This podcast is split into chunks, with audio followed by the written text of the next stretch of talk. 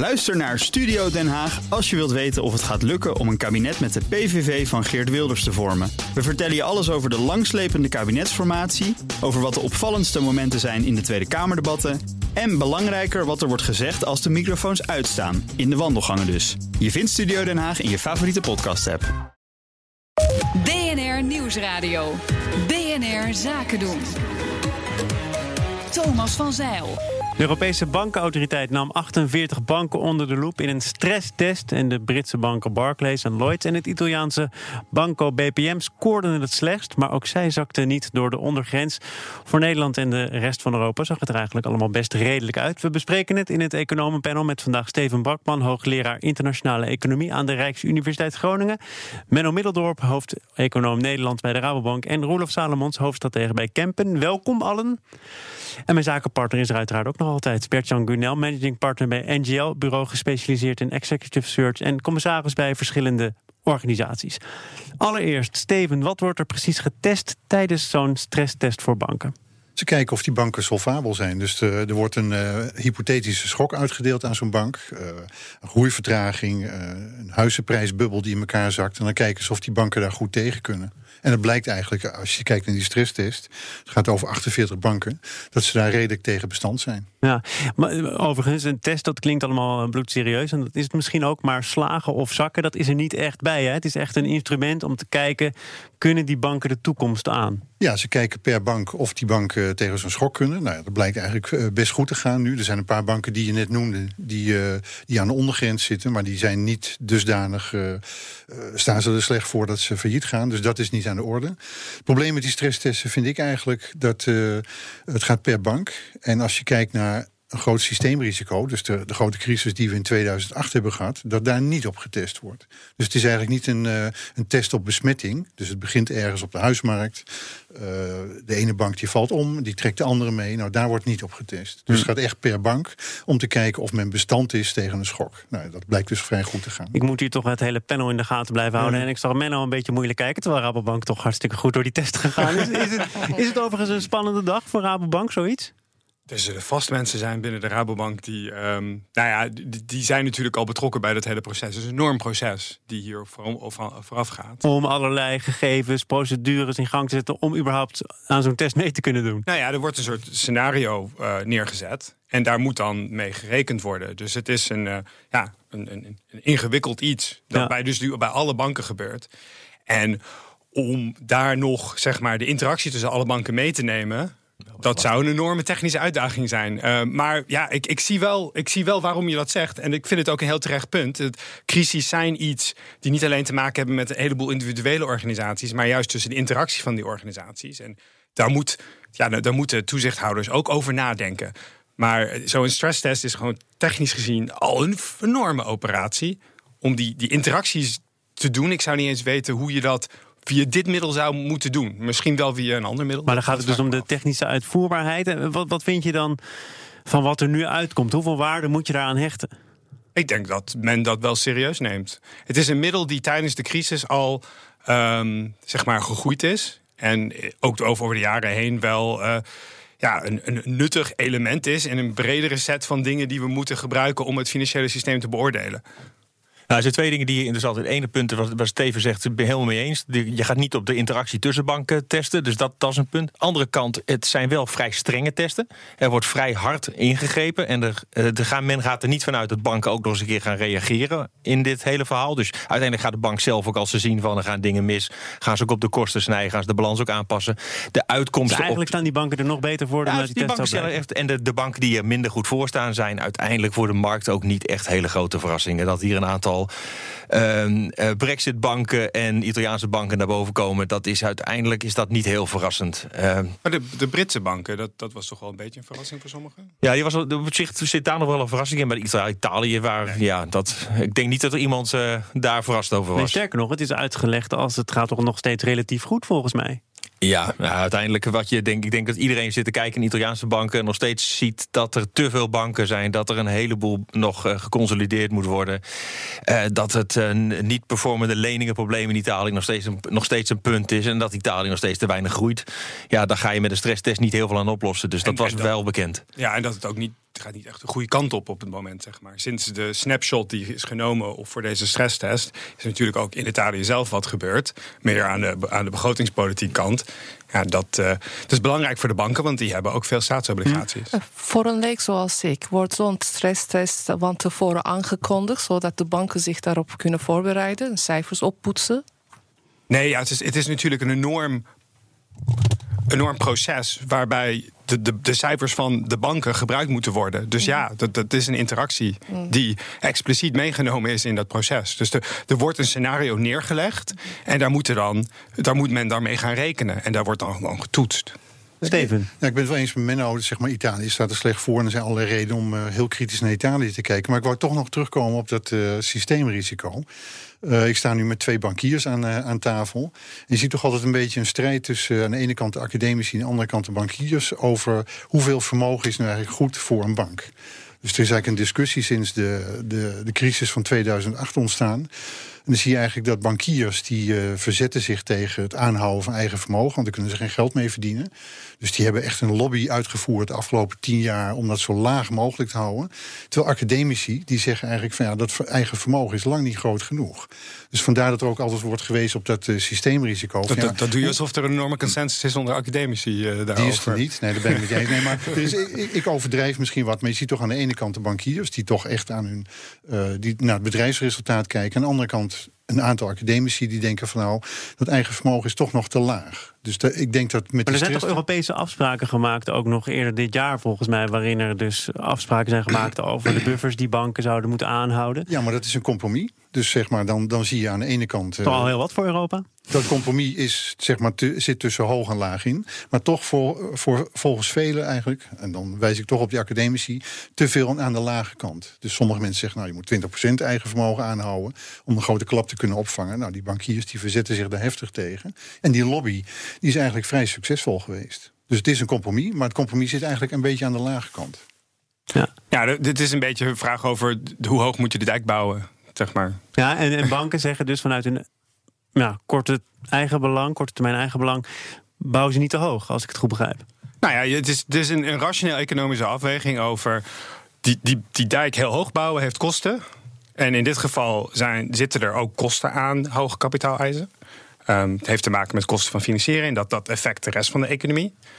En daar is een afweging tegen, tussen dat en financiële stabiliteit. En die afweging, daar, ja, daar kan je een discussie over hebben. En daar kunnen sommige academici een standpunt over hebben. En toezichthouders hebben daar ook een antwoord op. En dat is eigenlijk die stresstest. Dat is een manier om te kijken van als er nou iets heel slechts gebeurt, wat, wat gebeurt er dan met het financiële systeem? En ik, ik, ik ben er mee eens dat je daar niet alle interacties mee kan nemen. En dus dat in die zin het een incompleet antwoord is. Maar daar, het antwoord daarop is eigenlijk om die adverse scenario. Hè, dat ze die stress nog hoger doen om te zorgen van of dat het een goede, robuuste stresstest is. En dan een gevoel te geven van nou ja, dus dus er wordt, het is niet zo dat, er, zeg maar, dat het een ja-nee discussie is. Het is een, een, discussie over de juiste afwegingen, kosten versus baten. En er wordt gewoon ook vanuit de toezichthouders wordt daar een antwoord op gegeven. En die stresstest is eigenlijk een belangrijk onderdeel van dat antwoord. Roelof? Ik ben het er wel mee eens. Eigenlijk zou er meer kapitaal uh, in banken moeten. En de gemiddelde bank heeft denk ik nog steeds iets te weinig kapitaal. Dan heb ik het makkelijk praten, want ik werk niet bij een systeembank. Dus dat heeft weer één groot voordeel. En jullie zijn dus, ook niet... Uh, uh, 70% van het precies, dus systeem is ongeveer getest, hè? Jullie dus niet? Nee, dus dat maakt het, weer, dat maakt het dus, al wel iets, iets makkelijker. Dus ik ben ook vrij van, van, van, van een lobby. maar uiteindelijk, je wil uiteindelijk niet dat als er weer een probleem ontstaat... dat je naar de belastingbetaler terug moet om te zeggen van... weet u wat, we hebben toch weer net te weinig... die dijken net niet hoog genoeg gebouwd... en daarom moet u toch weer uh, bijdragen als, als Nederlandse staat. Dat wil je niet. En dat is denk ik. Maar en we zijn er in Europa vrij laat in geweest om die dijken wat, Wat Menno zegt toch van dat ook uit deze stresstest dan toch blijkt dat, dat hoe het nu gaat wel redelijk is? Nou ja, daar, daar, daar, uh, daar, praten we eigenlijk de hele tijd over. De stresstest die geeft aan dat die banken individueel er eigenlijk goed voor staan. Dus stel dat er een, eh, een directie is die een fout maakt, uh, dat ze de verkeerde, de verkeerde markt opgaan. Nou, daar kunnen ze wel tegen.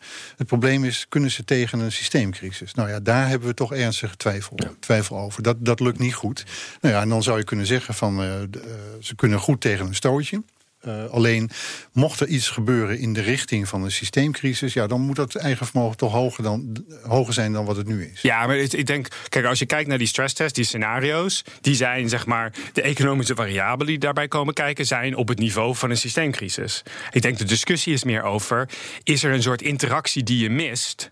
Um, die, die, dus een, die dus dat betekent dat dat niet een compleet genoeg antwoord is. En, dat, dat heb je al gezegd. Dat is heel erg moeilijk technisch uitvoerbaar.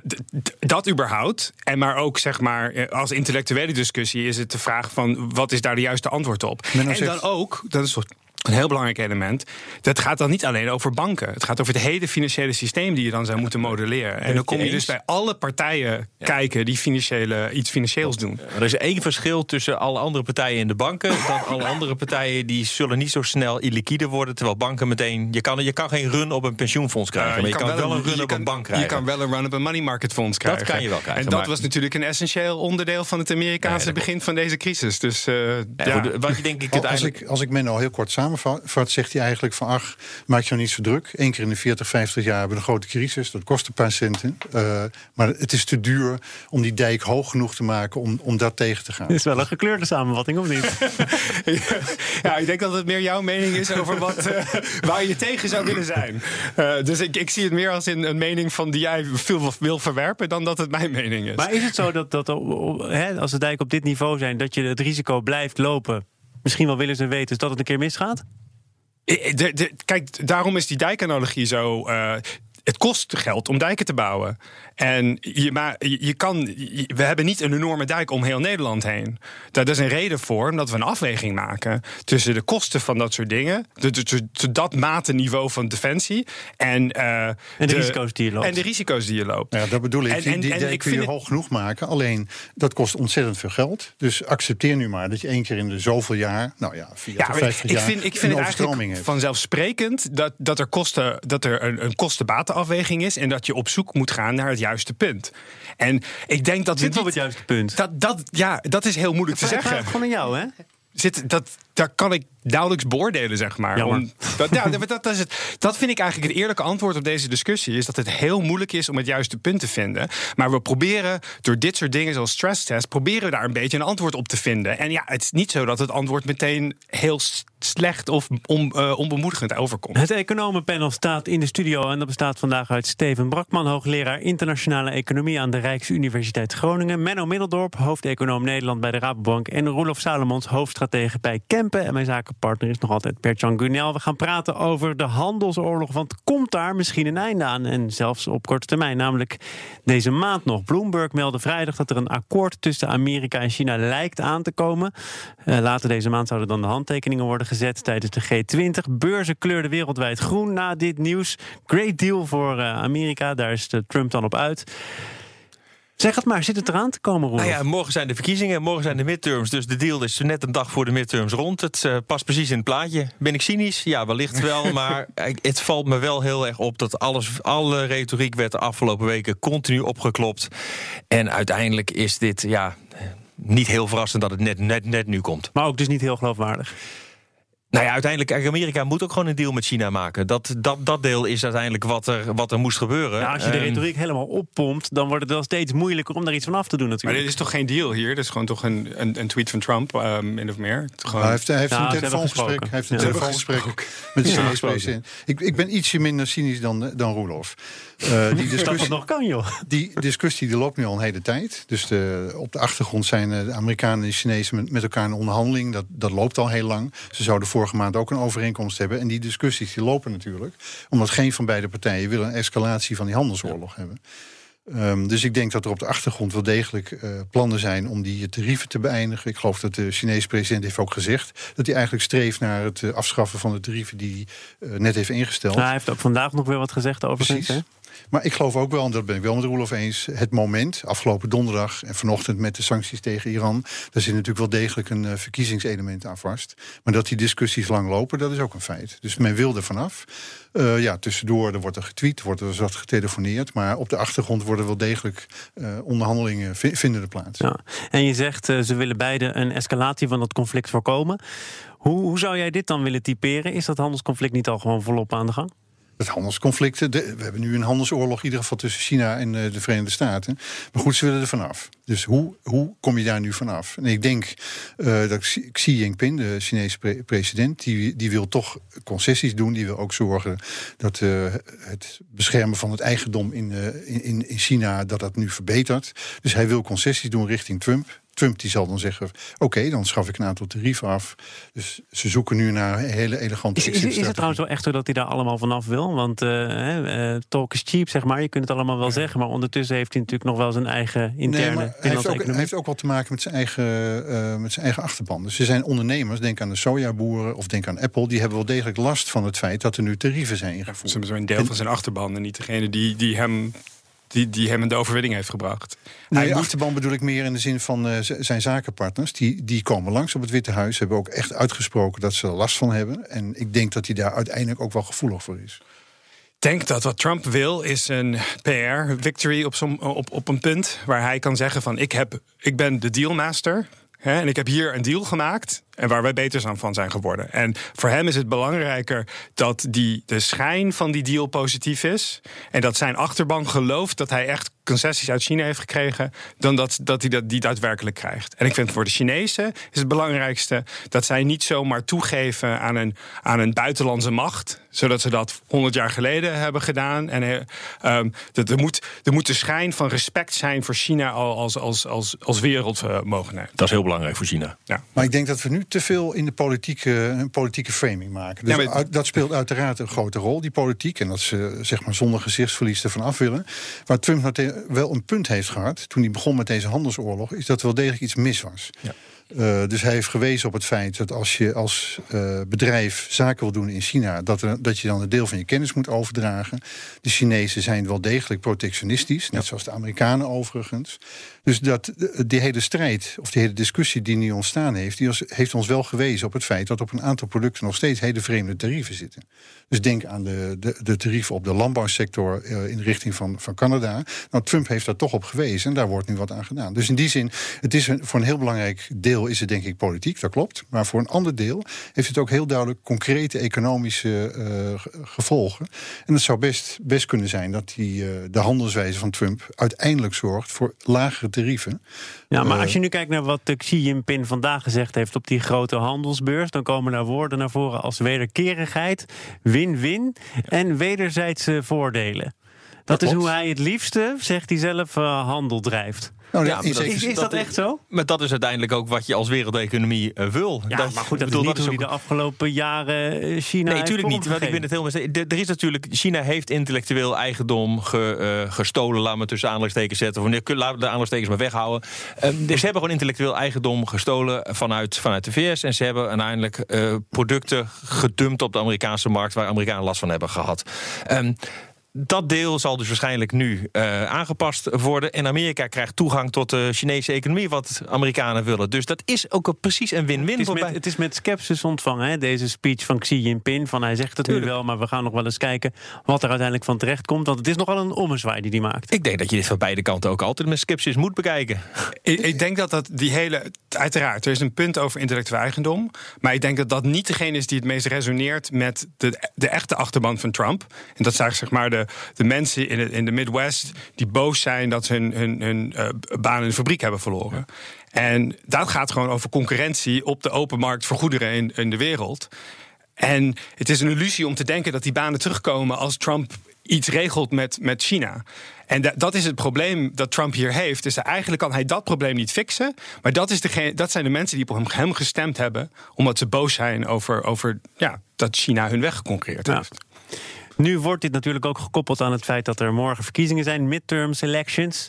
Hoe belangrijk is dat voor Trump? Hè? De Senaat zou hij dan waarschijnlijk wel behouden, maar eh, in het Huis van Afgevaardigden verliest hij wellicht zijn meerderheid. Beperkt hem dat? Ook op dit vlak?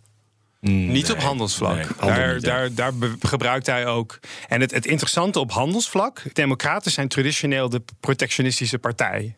Dus uh, hij kan best, het kan best wel zo zijn dat Trump en de Democraten zich elkaar daar best wel kunnen vinden. Uh, alleen hij heeft ze niet nodig, want hij kan de meeste van deze maatregelen kan hij gewoon doen zonder het congres. Ik, nee, ik, ik denk, daar kom ik terug op wat ik net zei... dat Trump die, eh, die is al heel lang aan het onderhandelen met de Chinezen. En eh, de, de recente erupties die, die, eh, die hebben plaatsgevonden... dus het telefoongesprek vorige week, de sancties tegen Iran vanochtend... nou ja, dat, dat heeft duidelijk een verkiezingsachtergrond.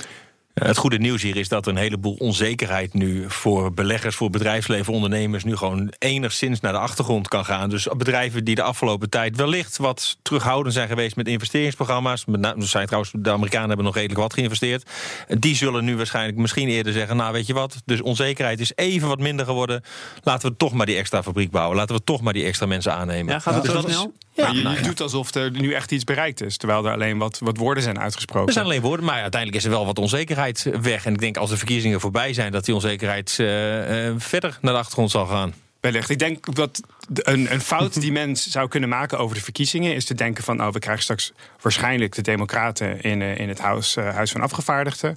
Eh, dus die gaan hele andere dingen doen dan, dan, dan Trump. En het grappige is, op een aantal fronten zal je waarschijnlijk juist zien dat, dat ze elkaar kunnen vinden. Ik noemde al ehm, handelspolitiek, maar ook op infrastructuuruitgaven, daar zouden ze elkaar kunnen vinden. En ook op de Fed. De, de, eh, traditioneel zijn de Democraten degene die kritisch zijn geweest op, op de Fed. En altijd hebben gezegd van we moeten een ruimer monetair beleid hebben. Ook daar kunnen ze elkaar vinden. Jongens, we sluiten heel verzoenend af. En we kijken wat er dan eh, woensdagochtend, als die verkiezingen zijn geweest, eh, eruit gekomen is. Dank voor nu, Steven Brakman, hoogleraar internationale economie aan de Rijksuniversiteit Groningen. Menno Middeldorp, hoofdeconoom Nederland bij de Rabobank. En Roelof Salomons, hoofdstratege bij Kemp. En uiteraard ook dank aan mijn zakenpartner van vandaag, Bertjan Gunel, managing partner bij NGL. Ook Thomas van Zeil vind je in de BNR-app. Je kunt live naar mij luisteren in Zaken doen. De BNR-app met breaking news, het laatste zakelijke nieuws en je vindt er alle BNR-podcasts. Bijvoorbeeld Het Nieuwe Geld. Download nu de gratis BNR-app en blijf scherp.